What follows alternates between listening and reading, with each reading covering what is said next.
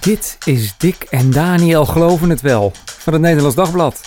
Koffiepraat over kerk en christelijk geloven. Met Dick Schinkelshoek en Daniel Gillissen. Hoi, leuk dat je weer luistert. Mijn naam is Dick Schinkelshoek en tegenover mij zit startklaar als altijd achter zijn blauwe microfoon Daniel Gielissen. En of je nou gelovig bent of niet, de kans is groot dat je iets vindt van Israël. En van het al tientallen jaren ontzettend complexe conflict waarin dat land zit met de Palestijnse bevolking. Daar gaan we het in deze podcast over hebben. Want de staat Israël bestaat dit jaar 75 jaar. En voor veel christenen is dat net iets bijzonderder dan als het om een willekeurig uh, ander land gaat.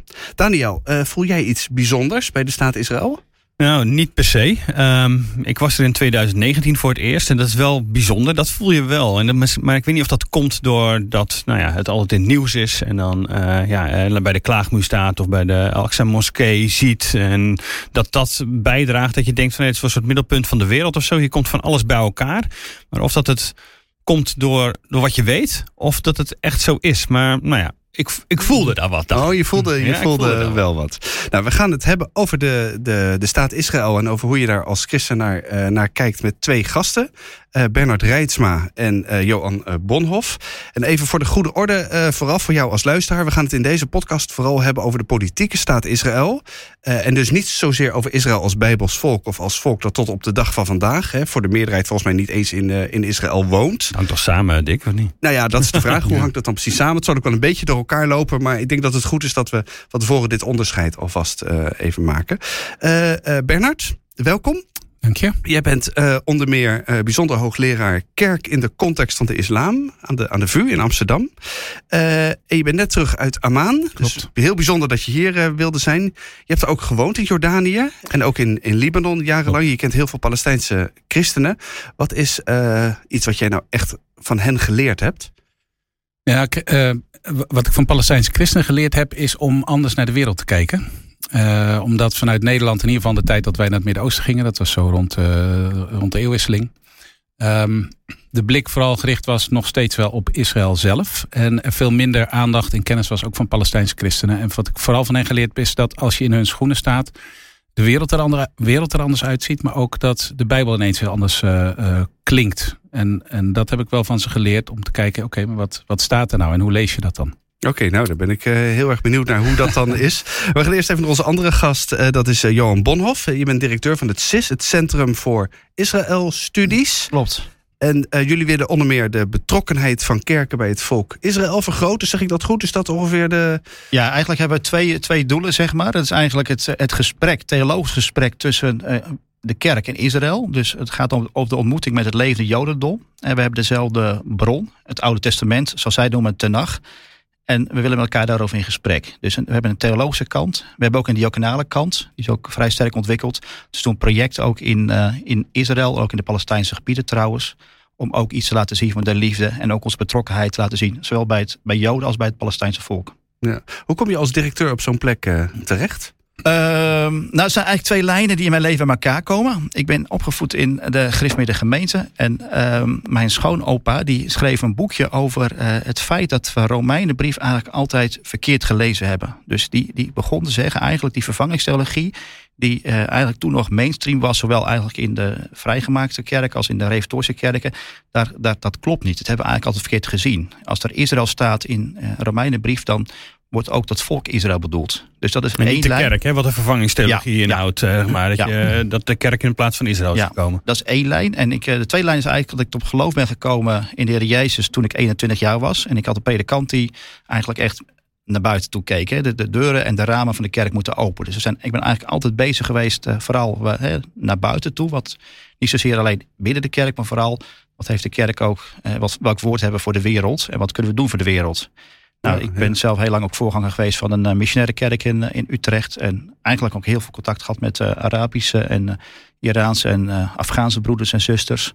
Een enkele Joods heb ik ontmoet in dat werk in Utrecht. Dus eigenlijk die, die twee lijnen komen eigenlijk weer bij elkaar. En ook de behoefte om weer een keer wel theologisch ook in te duiken in die vragen. Oh, goed zo. Nou, die vervangingstheologie, daar gaan we het in elk geval zo meteen nog, uh, nog uitgebreid over hebben. Eerst even naar de actualiteit. Uh, negen doden donderdag in Jenin op de westelijke Jordaan-oever. Wat is daar precies gebeurd, uh, Daniel? Ja, die zijn in Palestijn omgekomen inderdaad door acties van het Israëlisch leger. Hè. Het is de dodelijkste aanval van het Israëlisch leger, zou je kunnen zeggen, daar in de regio in, in jaren. 29 doden al dit jaar.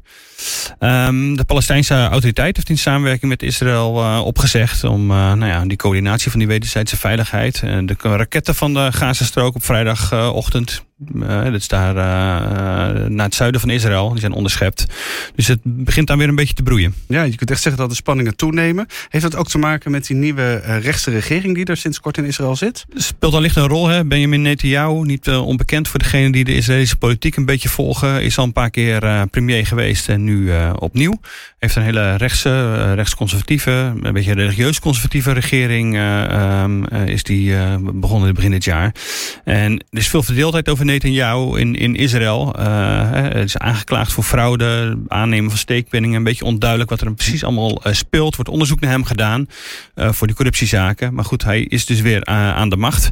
En dus een regering, ja, rechts, heeft altijd wel wat meer liefde voor nou ja, nieuwe nederzettingen plaatsen. Bijvoorbeeld in de westelijke Jordaan-oever en dat soort dingen. en dat geeft altijd wel wat meer, schuurt wat meer dan als je een wat linkse regering in Israël hebt. Ja. Bernard, hoe uh, belangrijk is het voor jou om dit, dit soort nieuws te, te volgen? Um, ja, wel belangrijk. uh, met name omdat um, uh, ik natuurlijk me bezig hou met de, de vraag van wat is nou de uitdaging van de islam voor de christelijke theologie en de christelijke gemeente. Hoe moeten wij ons verhouden tot de islam, tot, tot moslims? Um, en de, de hele kwestie van de staat Israël speelt in de hele islamitische wereld een grote rol. Dat is, nou, ik kan wel zeggen dat mm uh, wat mijn ervaring is in ieder geval het Midden-Oosten, dat de stichting van de staat Israël, met name ook de christelijke steun daarvoor, uh, ook misschien wel een van de grootste belemmeringen is voor het evangelie in de islamitische wereld. Dus okay, in die zin. Oh, zeg je nogal wat. Ja, in die zin kan ik er dus ook eigenlijk gewoon niet omheen. Je moet wel, wel wat volgen. En wat voel je dan als je dit, als je dit soort nieuws wat je neemt? Nou, een paar dingen. Het, het voelt ehm, nou, in ieder geval pijnlijk, omdat ik um, de mensen die al zo lang in een vluchtelingenkamp leven, zonder enig perspectief, geen kant op kunnen. Dus um, je moet je even voorstellen, je op een heel klein uh, gebied uh, woont, werkt, leeft en eigenlijk nooit weg kunt. Um, en dan hebben we het echt over een heel klein land. Ik vloog over, ik, ik, kom net uit de maan, ik vloog over Israël heen. En dan ben je in een zucht ben je er overheen van de Dode Zee naar de, dus, dus En dan is dit nog een klein stukje. Dus die hopeloosheid. Um, ja, dat doet wel iets met me. Um, en geeft me tegelijkertijd ook iets van, ja, maar hier komen we ook niet uit. Dus het is ook wel heel, het, het, een beetje verwarrend en wanhopig. Ja, het is een beetje moedeloos. Of je echt denkt, ja. dit, dit ja. komt nooit meer tot een einde. Ja, ja. Ja, dat is eigenlijk wel wat ik erbij uh, voel. Ja. Um, en tegelijkertijd ook enorm tragisch natuurlijk. Dus uh, dat het zo gaat. En nou ja, er zitten zoveel kanten aan. Het is zo complex. Dat, dat je eigenlijk ook niet goed weet wat je ervan moet denken. Ja. Hoe, uh, hoe zit jij hierin, Johan? Is het, uh, nee, hoe, nee, hoe luister jij naar, dit, naar dit nieuws? Uh, nou, ik moet me echt even inhouden, een paar vragen te stellen, Bernard. Nu, maar de, nee, kijk, ja, ik, volg, ik, ik volg het nieuws, maar niet heel gedetailleerd in die zin. Ik, wij zijn ook meer theologisch in diakonaal bezig. mijn collega Albert Grootherde, die volgt het nieuws. Die woont in Jeruzalem, die volgt het nieuws iets beter. Maar het is inderdaad, het, het, het wordt steeds complexer. Mensen aan twee kanten worden steeds wanhopiger. En helemaal eens. Het, je ziet dat de politiek nu, ver, nu verhardt in Israël. een rechtskabinet. Je ziet ook dat ja, Palestijnen ook wanhopiger worden. En ehm, het, het, het, het, einde, de oplossing, raakt ieder uitzicht dan inzicht. Ja. Is dat, in hoeverre is dat een probleem voor jullie werk daar? Um, nou, kijk, er zijn natuurlijk heel veel uh, voetangels en klemmen in dit werk wat ik doe. Uh, maar inderdaad, ik bedoel, je, wij proberen als GIS contact te hebben met uh, orthodoxe Joden, ook met Messiaanse Joden, maar ook met Arabische christenen, broeders en zusters, ook in, in, in Bethlehem. En nou, je proeft dat het conflict natuurlijk er over, overal overheen hangt. Ja, ja, en je moet je vaak verantwoorden van keuzes die je maakt. tegelijkertijd zeggen wij ook altijd, wij zijn ook christenen, dus we willen ook eigenlijk met iedereen het gesprek kunnen voeren. En ehm, we willen oprecht en zuiver zijn. Maar um, ja, politieke keuzes maken wij in principe niet, want we zijn geen politieke organisatie. Nee, precies. Maar het wordt je af en toe wel heel moeilijk gemaakt natuurlijk op dat, uh, op dat terrein. Ja, ja. Aan beide kanten, zeg maar, er voor, voor beide kanten zijn. Wat, wat nu helemaal in dat conflict uh, zijn die twee kanten er. Is best ingewikkeld denk ik. Want de een wil misschien minder met de ander te maken nou, hebben enzovoort. Er zijn natuurlijk veel meer kanten als twee. Hè? Ik bedoel, er zijn heel ja. veel posities. Kijk, ik denk dat het belangrijk is om vooral ook uh, als christen in Nederland... kun je natuurlijk heel makkelijk drie minuten oplossing voor een conflict ja. bedenken. Of zeggen van die is de good guy of dat is de bad guy. Kun je heel makkelijk in schema's denken. Maar heel belangrijk denken om gewoon echt mensen te ontmoeten. Dus als wij ook predikanten of ja. studenten meenemen naar, naar Israël, dan willen ze ook eigenlijk gewoon mensen laten ontmoeten. Aan beide kanten. Ja, bijvoorbeeld, ik kan het de vraag stellen: een, een, een Joodse man middelbare leeftijd die aan mij vraagt: Johan, waarom haat heel de wereld ons? Ja. Waarom willen de mensen om ons heen, de volk om ons heen, niet in vrede met ons leven? Jij bent christen, kun jij het antwoord geven? Ik snap het niet.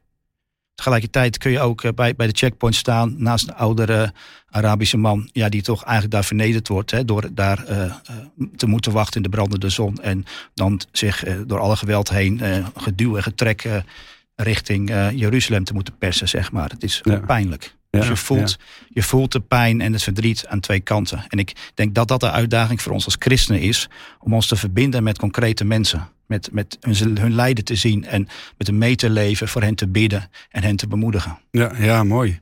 Uh, Daniel, wat is het lijn, de lijn van het Nederlands Dagblad eigenlijk? Want jij bent ook adjunct hoofdredacteur, dus jij wordt ook geacht daar iets van te, te vinden en te zeggen. Uh, wat is de lijn van het Nederlands Dagblad eigenlijk ga, als het gaat om de hele berichtgeving rond, rond Israël en dit, uh, dit conflict? Nou ja, er schreef een, een, een tijdje geleden... Uh, Israël is geen gewoon land. En of we daar inderdaad wat milder en vriendelijker over wilden schrijven... over de staat Israël. Uh, want als ze dus een keer de fout ingaan, oké. Maar het, zijn, uh, het is wel Israël. Israël is een speciaal land. Jezus heeft er geleefd. Joden zijn een speciaal volk. de holocaust komt, kort erbij gehaald. Nou ja, dat uh, maakt dat je inderdaad wel kunt zeggen... dat Israël is geen gewoon land. Ook voor ons Nederlands Dagblad uh, niet. Er is geen ander land ter wereld waarover kerken een richtlijn hebben opgesteld... hoeveel christenen zich daartoe verhouden. De protestantse kerk, daar weet Bernard ook alles uh, van. Hoe die daar uh, de, de, christenen zich toe dienen te verhouden volgens de kerk. Er ook geen ander land dat permanent op de agenda van de, van de VN-Mensenrechtenraad staat. Dus er is daar wel wat aan de hand. We voelen ons als christelijk uh, betrokken krant ook gewoon nauw, uh, nauw verbonden met, uh, met ja. Israël of met het, met het volk. Maar het betekent vooral niet dat kritiekloos toekijken. Dus het is een democratie, het is een rechtsstaat. Daar staat Israël ook voor. En dat is ook belangrijk om ze daaraan als staat te houden of op te wijzen. Van jongens, het is allemaal heel leuk en aardig. Maar jullie zijn een democratie, jullie zijn een rechtsstaat. Dan heb je je ook tot een bepaalde manier tot de Palestijnen te verhouden. En doe, doe daar wat aan. Neem die verantwoordelijkheid. Ja. dat is vooral dat recht en gerechtigheid punt waar wij uh, als Nederlands Dagblad vooral veel op, uh, op zitten. Ja, en nu keek ik net naar Johan, want je zei van ik is een vraag die ik heel graag aan Bernard wil stellen. Ik kan me oh, ja. zomaar voorstellen dat dat gaat over, uh, nou ja, wat, uh, dat, wat, uh, wat jij Bernard net zei, wat ik wel inderdaad wel een stevige uitspraak vond, dat de staat Israël een belangrijk struikelblok is. er zit in, het, in de gesprekken van christenen met, met moslims over het evangelie. herken jij dat?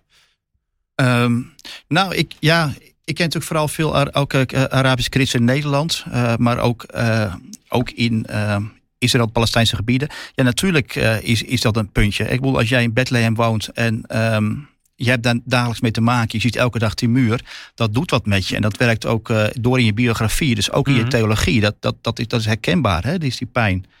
Tegelijkertijd was mijn vraag aan Bernard dan zou zijn, inderdaad, van kun je dat gesprek ook voeren met, uh, met, met moslims. Hè? Van, kan soms ook um, iets heel makkelijk zijn.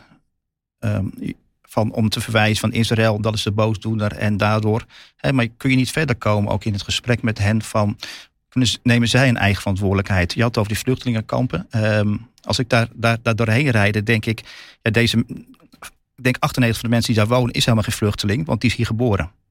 Waarom wonen deze mensen hier nog steeds? Waarom, waarom, hè, waarom is een Palestijn die gevlucht is naar Syrië, waarom is hij stateloos? En waarom doet de Arabische wereld daar niks aan? Waarom geven ze die niet een normaal huis, een normaal dorp? Ja, dat zijn ook vragen die ik heb. Hè? Dus, mm -hmm. We kunnen ook, ook, ook, die vraag terugstellen aan, uh, aan onze mos, aan, aan, moslims en ook aan uh, Arabische broeders en zusters. Ja, je, je gooit nu heel, heel veel dingen op één hoop. Ja, Ehm, heel veel vragen in één keer. Ja. Eh, nou ja, kijk. eh, Pak je- ze maar één voor één, Bernard. Eh, nou ja, je, kijk, je kan eh, eh, Palestijnse christenen of Palestijnse moslims niet verwijten dat, de, dat eh, de wereld, en dat is niet alleen de westerse wereld, maar dus ook de Arabische wereld, hen eigenlijk gebruikt als een pion in een eh, groot spel. Eens. Ehm, dat zou betekenen dat, het- dat ze dus meer onze sympathie moeten hebben dan we, dan we misschien wel zouden willen. Of doen, eh, laat ik het zo zeggen. Eh, tweede is, ehm, ehm, maar goed, dan komen we al gauw op politiek. En ik vind dat wij eigenlijk niet zo heel veel over politiek kunnen zeggen. Want wij, wij zitten hier veilig achter een tafeltje en eh, het wordt leuk Ja. En ik, ik zeg altijd, je moet minstens eh, vijf jaar eh, op de Westbank in Mm. Bethlehem gewoond hebben tussen de muren. En misschien ook al vijf jaar in Israël. Voordat je überhaupt iets erover kan zeggen. En ik denk, da daar zijn we ook weer typisch Nederlands, koloniaal en een beetje arrogant. Dat we denken dat we weten hoe we dat daar oplossen. Dat we inderdaad, zoals Johan net zei, in Ja. drie minuten even een even Precies, ja. het conflict. En, eh, en, en dat is ook een van de dingen waar ik wel, eh, zeg maar, als het gaat over de nota van de, van de, van de protestantse kerk, eh denk wij spreken ons uit over wat voor oplossing daar moet komen. Ja, eh, ik- mensen daar zeggen, je, je weet, bedoel, als je niet en weet hoe het leven is Mm. en ook niet de hele geschiedenis kent, eh, die toch eigenlijk al teruggaat tot op het Ottomaanse Rijk.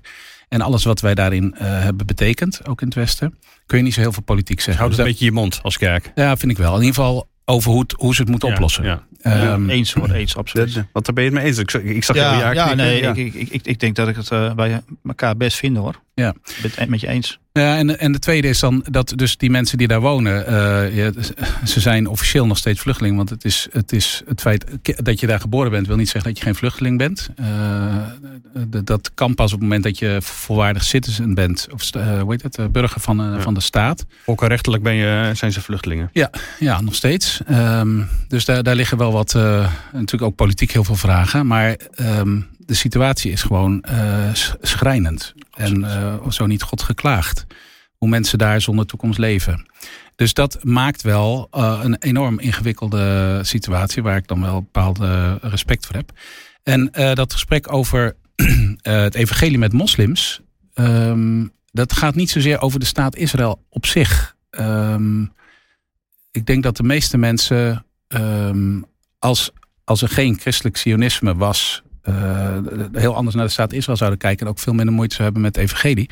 Maar juist de enorme support van christenen wereldwijd, onvoorwaardelijk voor de, voor de staat Israël, ehm, is een theologische belemmering. Omdat het dus aangeeft dat God aan de kant van Israël staat en er dus niet is voor de anderen.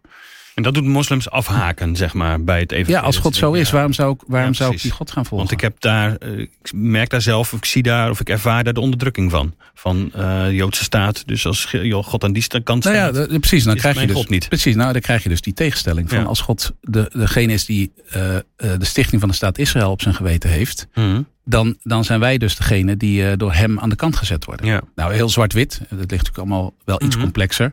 Maar dat is wel dat een bazaal gevoel gevoel. dat daaronder ja. eh, en hoe zit. kan God dat onrecht, want dat is wat heel veel moslims eh, en ook christenen trouwens ervaren, eh, eh, eh, supporten, zeg maar. Ja. Ja. Hoe kan het dan zo, soms denk je dat het is zo groot geworden, moslims over de hele wereld? Hè, ook in, het wordt soms in Nederland eh, ge- gebruikt op de Nederlandse straat, zeg maar, hè, om, om soms zelfs antisemitische teksten en zo eh, te roepen. Eh, dat de Joodse staat daar zo'n invloed op heeft op, op moslims wereldwijd. Nou, dat heeft het ook op christenen wereldwijd. Dus ik bedoel, eh, het, Is het het, is, gewoon het is een doorslaggevend element bij de verkiezingen in Amerika. Dus ehm, het, het heeft blijkbaar voor ons allemaal eh, een- een grote waarde, omdat het ook religieus verankerd is. Dus het heeft wel te maken met hoe kijk je naar je eigen bron, naar je eigen schriften. Ehm, Ja, En ook de was verbondenheid. voorkomen misschien wel. Omdat het gewoon zo in die religieuze geschriften van allen zit. Dat het logisch is bijna dat, er, Ja. dat, deze, eh, dat, dat, dat de Joodse staat deze plek dan krijgt. Nou ja, het, het dwingt ons in ieder geval om na te denken over hoe, hoe kijken wij naar de staat. Want het, eh, dat is ook nog een ding wat voortdurend door elkaar heen loopt natuurlijk. Het, Ja. eh, want jij noemt een aantal keren, hè, Israël is toch een bijzondere plek, Jezus heeft er gewoond. Ja, de- dat is het voor mij ook. Israël is voor mij als plek, zeg maar als locatie, als land best belangrijk geweest, ook in mijn eigen geloof. Eh, om iets te proeven van het land waar, waar Jezus gewandeld heeft. Wat er gebeurt, hoe, hoe dat er toen uitzag. Niet de, de, de toeristische attracties, zeg maar, maar Mhm. maar vooral het land. En geef je een beetje een realistische beeld van als je de Bijbel leest. Ja. Ehm, maar dat is wat anders dan de staat Israël. Dat is natuurlijk echt een, Nee, een wordt- modern, seculier Precies. iets. En Daarom ook dat je dat heel anders moet benaderen. Zeg maar, en niet zozeer theologisch moet benaderen als inderdaad wel politiek Ja. en, en eh, volkenrechtelijk enzovoort. Ja. En dat is ook wat we zeggen als krant. Daar moet je op die manier moet je er naar Ja. kijken. Ja. Maar je, je hoort in elk geval dat, dat uh, het wordt ook wel verwacht van christenen, van lezers enzovoort, dat, dat je dat op een andere manier ja. Ja. benadert. Toch even de vraag van, hè, jij, jij, stelt die vraag, hè, dat moslims en uh, Arabieren vragen jou, als God aan de kant van Israël staat, dan kan ik niet in die God geloven. Dus, hoe reageer jij daarop? Wat doe jij daarmee? Heb je een antwoord? Nou, ik, ik probeer in ieder geval even uh, het evangelie los te maken van uh, christelijk sionisme en de onvoorwaardelijke support voor de staat Israël. En zeggen, laten we eens even kijken wat staat er nou eigenlijk en waar gaat het over? En um, ik, ik kan niet goedkeuren dat één volk een ander volk grondgebied ontzegt. Ik, dus daar gaat het mij niet over. Dus ik probeer terug te gaan naar waar gaat het in het evangelie dan wel over. En laten we het dan daarna nog eens kijken wat dat voor consequenties heeft. Um, maar weet je, dat is een gesprek wat je voert op het moment dat je een relatie krijgt met mensen. En, en ik bedoel, ik kan het wel zeggen, maar op het moment dat ik nog nooit bij die mensen thuis geweest ben en weet hoe beroerd hun levensomstandigheden zijn, uh, uh, heb ik weinig te vertellen. Dus ik zal, een van mijn dingen die ik in ieder geval in het Midden-Oosten gedaan heb, de, de zeven, acht jaar dat ik daar gewoond heb, is uh, proberen te luisteren. Maar laat, vertel jij je verhaal nou eens maar. Want wij in het Westen weten altijd precies wat moslims wel of niet zouden moeten vinden van Israël, van de God van Israël, van de christelijke sionisme. Vertel eerst nou eens je verhaal. Wat is er gebeurd? Eh, waarom zit je daarin zo in? En ik heb mensen uh, gehad, uh, veel christenen ook, die, die toch, ja, wat, wat hier traditioneel gezien vervangingstheologie zou heten, hebben, aanhangen. Ja, dan probeer ik, um, wat, ik in ieder geval gedaan heb in die tijd, is ik heb regelmatig lezingen gehouden, publieke lezingen op de Nest, waar ik gewerkt heb Near East School of Theology, een theologische opleiding in het Midden-Oosten. En um, waarin ik dan probeerde iets, ook even iets anders uh, te laten zien. Zeg van ja, het is toch iets complexer dan dat. Ja, dat, dat is, is wel lastig. Zeker als iemand van buiten uh, dat even komt vertellen. Maar goed, na een jaar of zeven uh, is er meer ruimte voor dat gesprek dan wanneer je net komt. Ja, want uh, Johan, wat betekent de staat, de staat Israël voor jou uh, the theologisch gezien? Ja, dat is een goede vraag. Um, nou, we gaan in mei met een een aantal deputaten van de Christelijke Kerk en een aantal andere mensen juist naar Israël om te proberen een antwoord te gaan vinden op die vraag. Hè? Want uh, jij zegt de staat is natuurlijk een, een modern uh, construct. Dat is natuurlijk ook. Hè? Staten, Seculiere staat. Staten zijn sowieso een modern construct. Mm -hmm. um, tegelijkertijd um, zie ik er wel ergens de hand van God in dat hij Israël na zoveel jaren weer terugbrengt naar het land. En, uh, en dat heeft ook de, de kerken in, in Nederland altijd heel sterk beleefd. Dat staat nu wel wat onder druk, denk ik. Uh, die, die vraag. Maar ik geloof daar wel in. Zonder en, en dat je kan zeggen van ja, uh, God stuurt me hierheen, dus wilt jij even, alsjeblieft even plaats maken. Hè? Dat, dat kan natuurlijk niet het geval zijn. Dus ergens zie je dus de hand van God. Tegelijkertijd zie je een seculiere staat, zie je het conflict, uh, wat aan beide kanten enorm veel pijn doet. Um, dus ja, ik zou ook de staat Israël gewoon seculier, seculier ik zou dat ook um, zo willen benaderen, gewoon zoals je elk volk of elke staat benadert, inderdaad. Maar wij hoeven van God uh, het niet in te vullen. We hoeven ook niet uh, Gods plan uh, te gaan realiseren. We mogen God, Gods hand zien. En, en vooral de mensen die we ontmoeten, gewoon te liefst van Christus benaderen. Maar wat voor, wat voor consequenties heeft dat praktisch gezien? Dat, dat, dat God dus 75 jaar geleden uh, daar uh, die staat heeft, ja, hoe zeg je dat dan, heeft mogelijk gemaakt? Of heeft... ik, weet, ik zou niet zo hele grote woorden aan geven. Ik, ik, ik geloof dat God zijn volk, uh, Israël, ook weer teruggebracht heeft. En ja, daarmee stopt het eigenlijk. Dus en of dat dan staat, maar wel het, het, terugbrengen van de Joden op de plek ja, dat... waar het voor hen begon of zo. Ja, dat geloof ik. Als je het ook door de geschiedenis heen kijkt, kun je daar ook niet echt omheen, denk ik. Hè? Dat het volk zijn identiteit heeft bewaard. Ik denk ook als je de Bijbelse teksten leest, het Oude Testament, zie je ook uh, profetieën die, die daarin vervuld zijn. Is dat is uh, 48 de Stichting van de Staat Israël vervulling van een profetie? Uh, ik zei het terugbrengen van het volk. Hè? Hoe die staat er dan uit moet zien. Of het dan twee staten moeten zijn. Of één staat. Of een... Ja. Dus niet de vorm, maar wel het feit dat niet. ze er ja. zijn.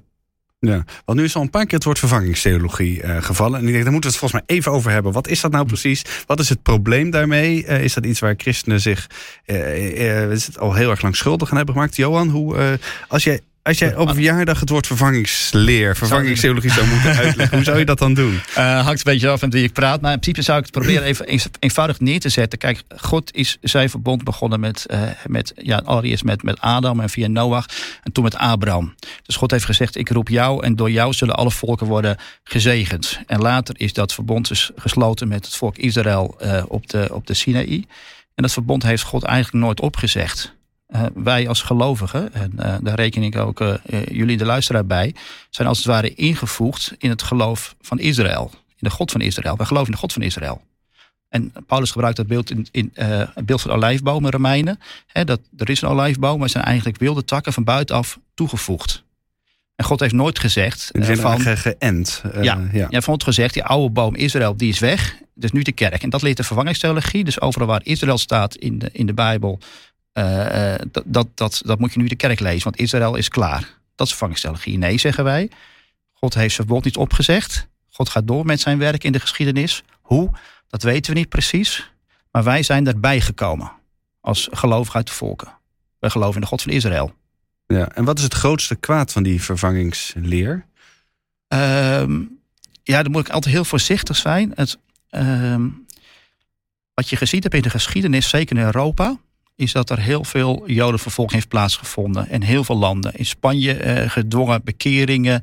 Uh, er zijn natuurlijk heel veel Joden gevlucht naar Nederland. Er zijn, uh, Engeland mocht een tijdje geen Joden meer wonen. In Oekraïne, Rusland, pogroms de, de, de holocaust is, heeft plaatsgevonden op, op christelijke Europese bodem. Dus er is heel veel lijden toegebracht door christenen aan joden. Met de gedachte van, jullie plek is weg. Jullie hebben je niet bekeerd tot Jezus. Dus jullie krijgen nu Gods straf. Jullie verdienen dat. En uh, wij zeggen van nee, die hele vervangingstheologie, uh, die heeft mede de voedingsbodem gecreëerd. Ik zeg niet dat is de oorzaak, maar heeft bijgedragen aan een voedingsbodem waarin jodenvervolgingen konden plaatsvinden. Ja. Ben jij een uh, vervangingstheoloog, Bernard?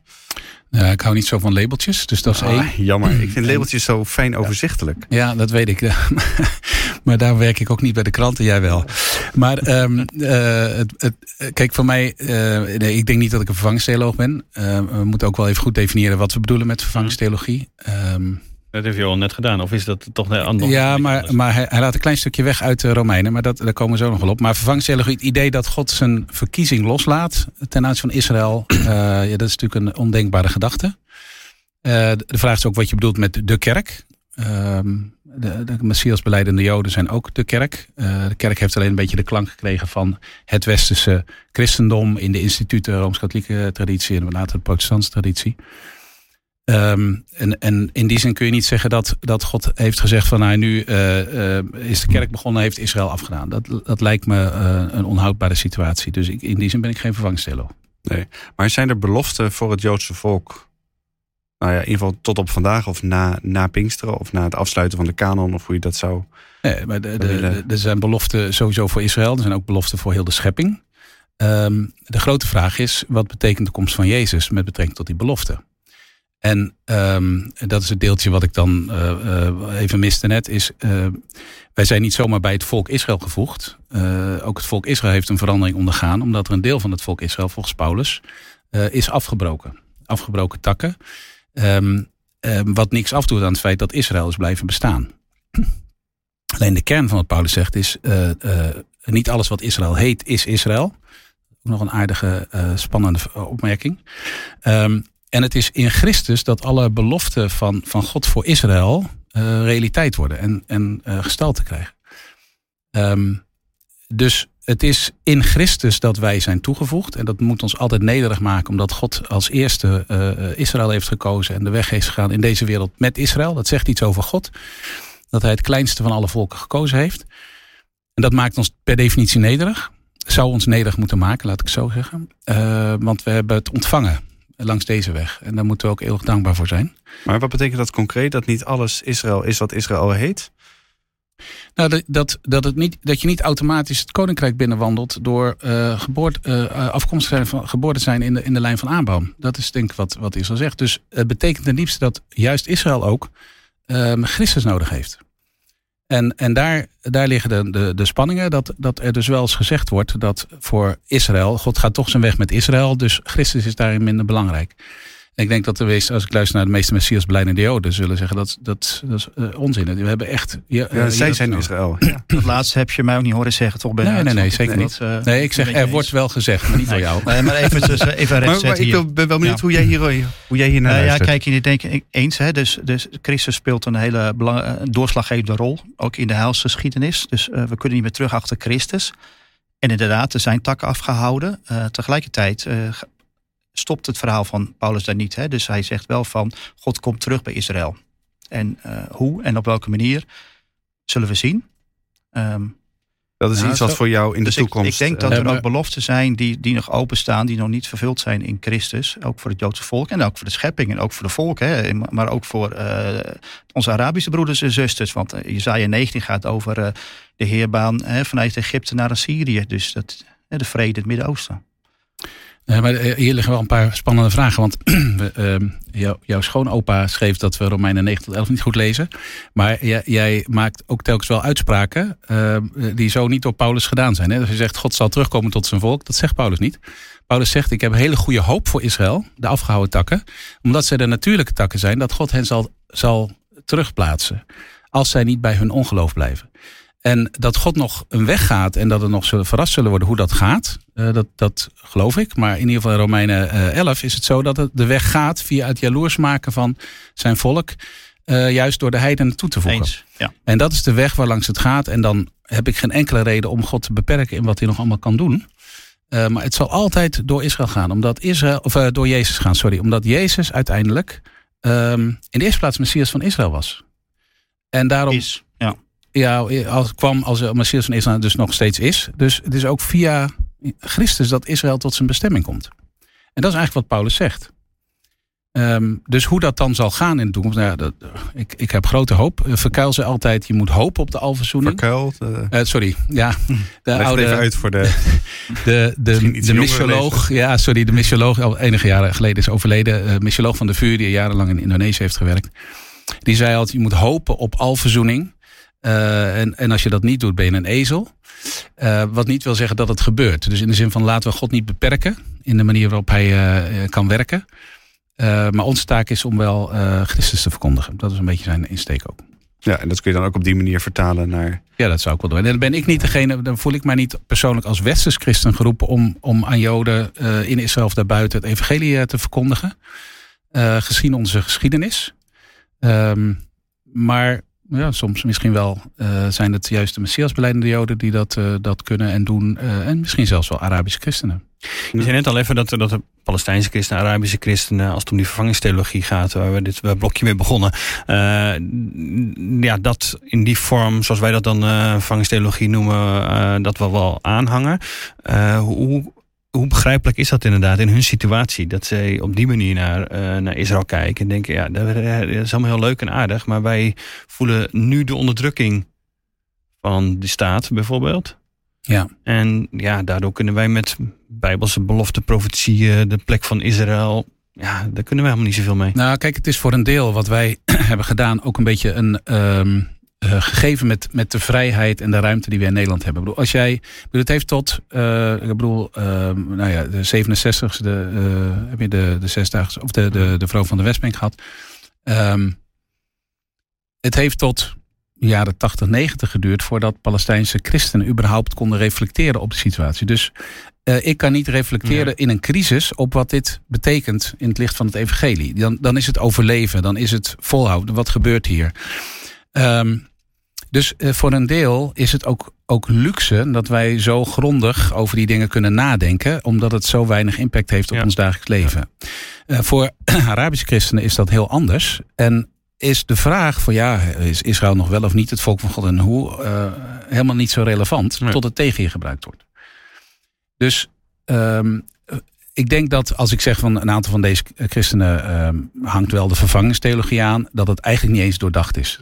De, dus dat het vooral eens is van ja, weet je, het volk van God, dat, is, dat zijn de mensen die bij Jezus horen. Nou, en als degene die niet in Jezus geloven, horen niet bij het volk van God. Zo so basic. Dus ja. die, al die ja. diepere lagen zitten er helemaal niet in. Herken je dat, uh, Johan? Um, nou ja, ik, ik, ik snap uiteraard de moeilijkheid. Ik bedoel, je zit daar midden in het conflict. Je zit er achter de muur. Uh, wij hebben ook goede contact ook met het Bethlehem Bible uh, College. En ja, daar wordt ook gewoon vervangingstheologie uh, geleerd. En er zijn conferenties, kruis, de checkpoints die hierover gaan. Dus er wordt wel degelijk theologisch uh, nagedacht vanuit Palestijnse christenen over deze vragen. Alleen de meesten komen tot de conclusie van ja, uh, het is voor ons ingewikkeld om nu te geloven dat Israël een bijzondere positie heeft. Want dat zijn onze onderdrukkers. Ja, dat kan ik me voorstellen. En, en, dat kunnen we ons allemaal voorstellen, denk ik. En Dus je context maakt wat uit. En dat maakt mij wel nederig en, en, en klein. Dus ik ben, zit ook niet in de positie om hun voor te schrijven van... Uh, Denk er eens even anders over. Ja, het gesprek voeren is, is, is goed. Hè? En, uh, kijk, en daarom is het denk ik ook belangrijk... En, hè, om onderscheid te maken tussen het volk en ook de staat Israël. Kijk, de staat Israël zijn niet alleen Joden. De staat Israël, daar horen ook Arabieren bij, daar horen Druzen bij, Armeniërs bij. Dat is een, ook een palet aan, aan volkeren wat de staat Israël is. En het is denk ik heel, heel helzaam om dat wat los te trekken van het, het, het Bijbelse volk Israël. Eens. En uh, ja, om daar wat genuanceerder ook als je, kijken. We hadden nu, we, hadden, we hebben een paar jaar geleden hebben dat, dat, dat, uh, dat boekje gezien van de oud-testamenticus Walter Bruggeman. Uh, oud, uitverkoren volk, vraagteken was dat. Ik moet zeggen, ik heb dat toen gelezen. ik zal eerlijk zeggen dat dat best indruk op me maakt. Want hij maakt eigenlijk, nou, als ik het even ondiplomatiek zeg, behoorlijk gehakt van het idee dat het volk Israël op grond van een bijbelse belofte recht heeft op het, op het land. Want hij zegt dan van ja, als je dat doet, als je dat vertaalt naar vandaag. Het boekje heeft heel veel gedaan, vooral in Amerika, maar volgens mij in Nederland ook wel. Als je dat doet, dan moet je het hele verhaal vertellen. En dat is dat er altijd een voorwaarde aan die belofte zit. Namelijk, uh, wat is het? Het, het, uh, Gods wegen gaan. Ja, ja het Gods wegen gaan, het recht doen aan de, uh, wat is het? Aan de aan weduwe en wees opkomen. Wat is het? Voor de, voor de vreemdelingen en de verdrukte. Bedoel, het, is, het is het een en het ander. En het, het, is niet, het is niet los verkrijgbaar. En als je dan kijkt naar de actualiteit, zegt hij zelfs, dat heeft hij in een interview gezegd, dan uh, is het maar zeer de vraag of je, uh, of je kunt zeggen dat Israël op die manier het land heeft, ge, heeft gekregen. Ja, ik zie ergens achter schermen Gods hand hierin. Dat heb ik al een paar keer gezegd. Ja, en, ja. Um, maar eh, verder in kleur en duiding en hoe ik dat precies moet zien. En um, um, ja, dat laat ik ook aan God over. En ik wil er echt bij zeggen, dat betekent niet dat alles wat de staat Israël doet, dat dat automatisch goedgekeurd moet worden door christenen. Want dan krijg je die tegenreactie. En uh, ik ben blij ook zeg, met jouw uh, positie, een wat genuanceerde positie. Er zijn, uh, ja, je merkt soms bij bijeenkomst dat er uh, twee hele radicale posities zijn. Mm. waar niet meer geluisterd wordt. Ja, voor Israël of voor de Palestijnen. Ja, ja en dat, dat vind ik heel ingewikkeld.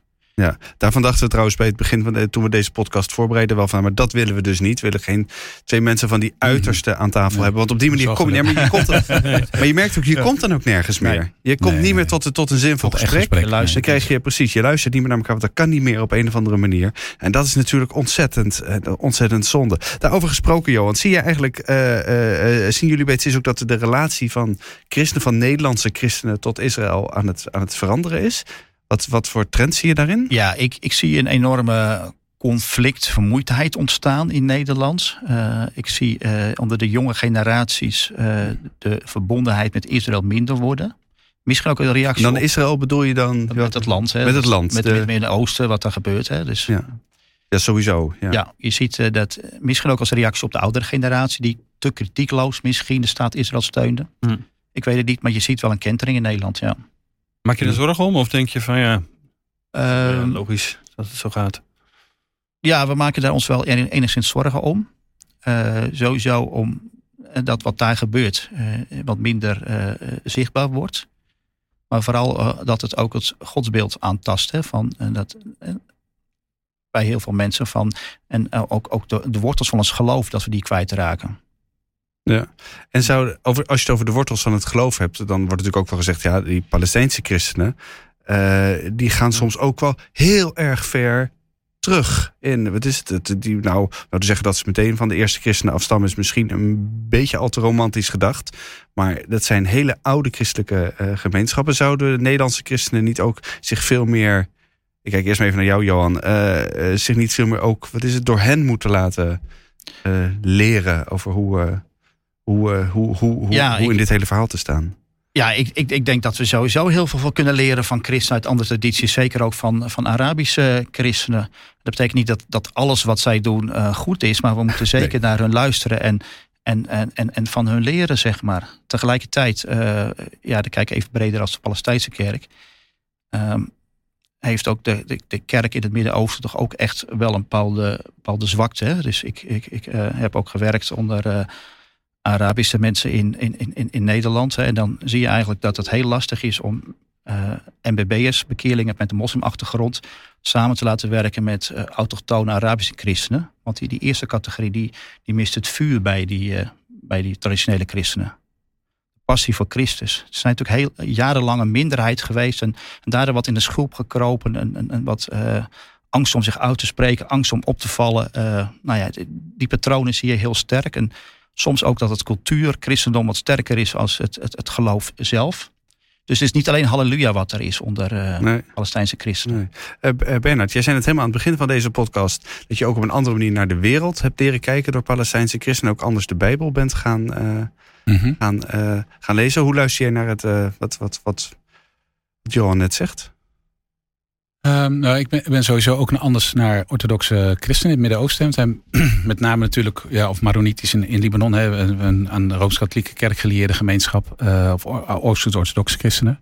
Ben er wel anders naar gaan kijken. met name die laatste opmerking um, maak ik niet meer mee. Zo, van het zijn voornamelijk cultuurchristenen en het geloof speelt wat minder omdat die bij alle, bij, bij, bij veel. Nee, maar omdat dat een typisch westerse verdeling is. Omdat voor veel mensen die, die cultuur, of in ieder geval de manier waarop ze hun geloof invullen, dat is hun geloof. En dat is veel meer een oosterse manier van, van leven. Door elke dag te doen wat God van je vraagt. Je gebeden, je rituelen. Het hangt uh, veel meer samen juist met je leven. En dat is minder Dat, dat is je leven. Door de week. ik bedoel, dat niet, is je leven. Ik bedoel niet die categorie. Die categorie daarachter die eigenlijk zelf niet meer bidt. Maar wel zegt ik ben christen, want ik ja. ben, uh, ik ben uh, Palestijns. Of, want dat is mijn familie. Ja. ja.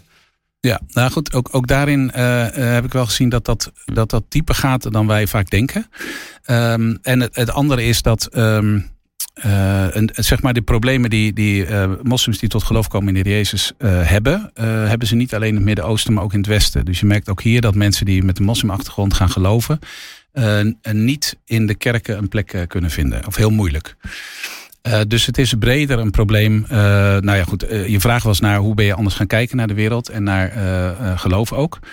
Of naar, naar God zelf. Um, niet zozeer dat mijn beeld van God veranderd is, maar wat ik wel heb gezien is hoe mijn beeld van God soms heel erg westers was en is. En dat ik moet leren zien dat dat ook maar een bepaalde culturele invulling is. Dus zeg maar het, het verwijt naar anderen van het geloof is toch redelijk, nou ja, soms wat, wat beperkt. Hè? Dus cultuurchristenen, dat herken ik ook wel dat die er zijn natuurlijk um, slaat mij eerder terug. Dat ik denk van als ik kijk naar hoe wij christen zijn in het Westen. Um, dan moet ik me heel goed achter de oren krappen in hoeverre mijn geloof niet heel erg cultuur geworden is. En, en steeds meer. En de secularisatie is hier waarschijnlijk nog wel groter dan, dan daar. Um, juist omdat de identiteit daar zo belangrijk is. Dus in die zin uh, leer je wel anders kijken naar eigen cultuur, eigen wereld, eigen geloof. Om weer opnieuw, en dat is eigenlijk mijn kern elke keer weer, kijken wat staat er nou eigenlijk in de Bijbel. Ja. Ja. Maar hebben wij voldoende oog voor die uh, Arabische christenen in, in Nederland als, als christenen hier? Of hebben we, zitten we, hangen we toch heel erg aan naar, uh, nou ja, meer naar, naar de Joden en het Jodendom? Nou, laat, laat ik één ding. Uh, ik, ik sprak een, een voorganger uit Bethlehem deze dagen in Amman. Um, en ik, kijk, ik denk wel dat er meer ruimte, meer open oog is vandaag de dag voor Arabische christenen dan het geweest is. Maar hij zegt, wij zijn vooral trofeeën. En hij bedoelde daarmee van, er zijn heel veel christenen, uh, uh, Joodse mensen, uh, die met mij willen praten, die graag met mij contact willen hebben. Want dan kunnen ze laten zien dat ze toch eerlijk in het conflict staan, want wij kennen ook hem. En hij zegt, daar ben ik helemaal klaar mee. want het doet geen recht aan onze hopeloze situatie, er verandert helemaal niks. Nee. En in die zin denk ik, van, er is wel iets meer oog voor. Uh, maar wij Nederlanders hebben toch al heel gauw de neiging om er iets van te vinden en te vertellen hoe eigenlijk zij zich zouden moeten opstellen of wat zij van Israël zouden moeten vinden. En ik vind dat we daar wel iets bescheidener in mogen zijn. En terwijl ik, raak je nu best wel een kwetsbaar punt. Hè? Want als je nu naar, naar, de, naar het uh, conflict kijkt, zou je eigenlijk hopen dat Messiaanse Joden en uh, vooral de evangelische Palestijnen, dat die uh, elkaar kunnen vinden. Hè? Dat die even de bruggen kunnen zijn om elkaar te ontmoeten. En ja, wij steunen ook een aantal projecten, verzoeningsprojecten, mm. juist om die gesprekken en ontmoeting op gang te brengen. En soms raken die ook teleurgesteld in elkaar. En, en, en dat is best heel ingewikkeld. Er zit ook een mm. cultuurverschil tussen. Maar jij ja, noemde de ja. kant, de teleurstellende kant van deze Palestijnse voorganger. Nou, dat vind ik heel verdrietig. Ja. En, ja, ik was vooral ge, ge, geschokt door de enorme wanhoop en, uh, ja. en uh, nou ja, de neiging om op te geven. Dus hij, hij, zei: Ik heb een droom dat, dat ooit mijn kinderen met, uh, met Joodse kinderen, met Israëlische kinderen zullen spelen.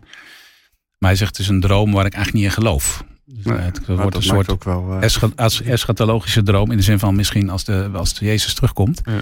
Dat maakt maar, ook wel heel moedeloos, hè? Als heel je dat moedeloos, zo, ja. Dus die 75 jaar is voor, nou, voor diegene die jij spreekt, is dat geen. Uh, je denkt niet van hé, hey, dat is, uh, er zit iets moois aan. Dat is alleen maar. Laat alleen maar zien wat Ja. ellende. eh, Ja. eh, ja, mensen zijn duurt. niet, niet echt in een feeststemming Nee. zoals aan de andere kant, zeg maar. Nee, nee. Nou, nu hoeven wij, en we kunnen ook nog helemaal niet in deze podcast een eh, oplossing voor dit conflict vinden. Dat zou ook enorm hoogmoedig zijn, hebben we eh, al, al vastgesteld. Ehm, we, eh, we kunnen wel, eh, wat is het, met, met, met, met Palestijnse, Arabische eh, christenen meeleven. We kunnen voor ze bidden, we kunnen voor het Joodse volk eh, bidden, voor de staat Israël bidden eh, misschien. Wat is, eh, eh, tot slot heel kort voor jullie allebei nog, eh, wat zouden jullie wensen voor, eh, voor de kerk? voor de toekomst eh, als het gaat om, de, om Palestijnen en Israël? Johan. Uh, goeie vraag. Ik, ik, zou, ik zou wensen dat we vooral inderdaad de, de, de, de mens eh, zien daar. Zowel de Palestijnse kant als de Joodse kant. Dat we hen echt ontmoeten, naar hen luisteren wat Binnenhard zegt. En dat we voor hen bidden en dat we, dat we naast hen beiden kunnen staan. En zonder dat we dat al theologisch schema op moeten plakken van tevoren. Maar dat we gewoon echt een open houding en een open hart. Kunnen liefhebben. En um, dat we niet ingedeeld worden van jij moet bij die kant horen, je wordt bij die kant, zeg maar. Hè? Dat, dat, dat, uh, Mhm. dat, dat hokjesdenken uh, doorbreken. Dat wij juist als volgelingen van Jezus ja, gewoon onbekommerd, vol liefde, gewoon naar, naar iedereen kunnen omzien. De mensen zelf uh, Ja. zien. Mhm. En jij, Bernard? Ja, heb niet zo heel veel aan toe te voegen. Kijk, voor, voor mij is het belangrijk dat ik um, um, echt, echt luister. Um, en betrokken ben op Arabische. Wat mij betreft is dat iets meer Arabische christenen. dus voor mij zou misschien de uitdaging zijn om ook wat meer te luisteren naar de andere kant van het verhaal. Uh, en omgekeerd. Um, maar ik, ik, wil graag zoveel mogelijk wegblijven vanuit die politieke stellingname. Amen. De vraag is of dat kan. Uh, dan eindig ik toch nog even met bischop Tutu. Die zei als een olifant op de staart van de muis staat. En uh, kun je toch moeilijk zeggen ik ben neutraal en ik, ik zeg hier niks over. Daar zal de muis niet blij mee zijn. Um, tegelijkertijd geeft het iets aan van een enorme complexiteit. Dus ja, weet je, de mensen die ik ontmoet, waar ik voor geroepen ben, daar wil ik naar luisteren, daar wil ik bemoedigen en niet te veel uh, vertellen hoe ze, hoe ze in het leven moeten staan. Nee. Tegelijkertijd is de metafoor van de muis en de olifant, daarmee heb je eigenlijk al een waardeoordeel getrokken over wat er gebeurt. Is het Ja, toch inmiddels alweer politieker dan... Dan, heb je eh, iemand als olifant aangewezen, iemand als muis. En, en, en dat is ingewikkeld. Ja. Ja. We gaan er hier niet uitkomen in Nee. deze podcast. We hebben wel een goed gesprek gehad eh, met elkaar. Ik wil jullie ontzettend bedanken, Johan en, eh, en Bernard. Eh, en ook jij als, als luisteraar bedankt. Wil je reageren op deze podcast? Doe dat vooral. Dat kan via je podcast-app. Je kan ook mailen naar Dick en Daniel nd.nl. Like deze podcast ook vooral. En vind je het leuk wat we doen? Overweeg dan eens een abonnement op het Nederlands Dagblad. Dat kan al vanaf 2 euro per week. Hè, dan steun je ook eh, het maken van deze podcast. We zeggen, vooral doen. Overweeg dat eens. Kijk eens op nd.nl slash abonnement. En eh, tot volgende week. Dag. Dag.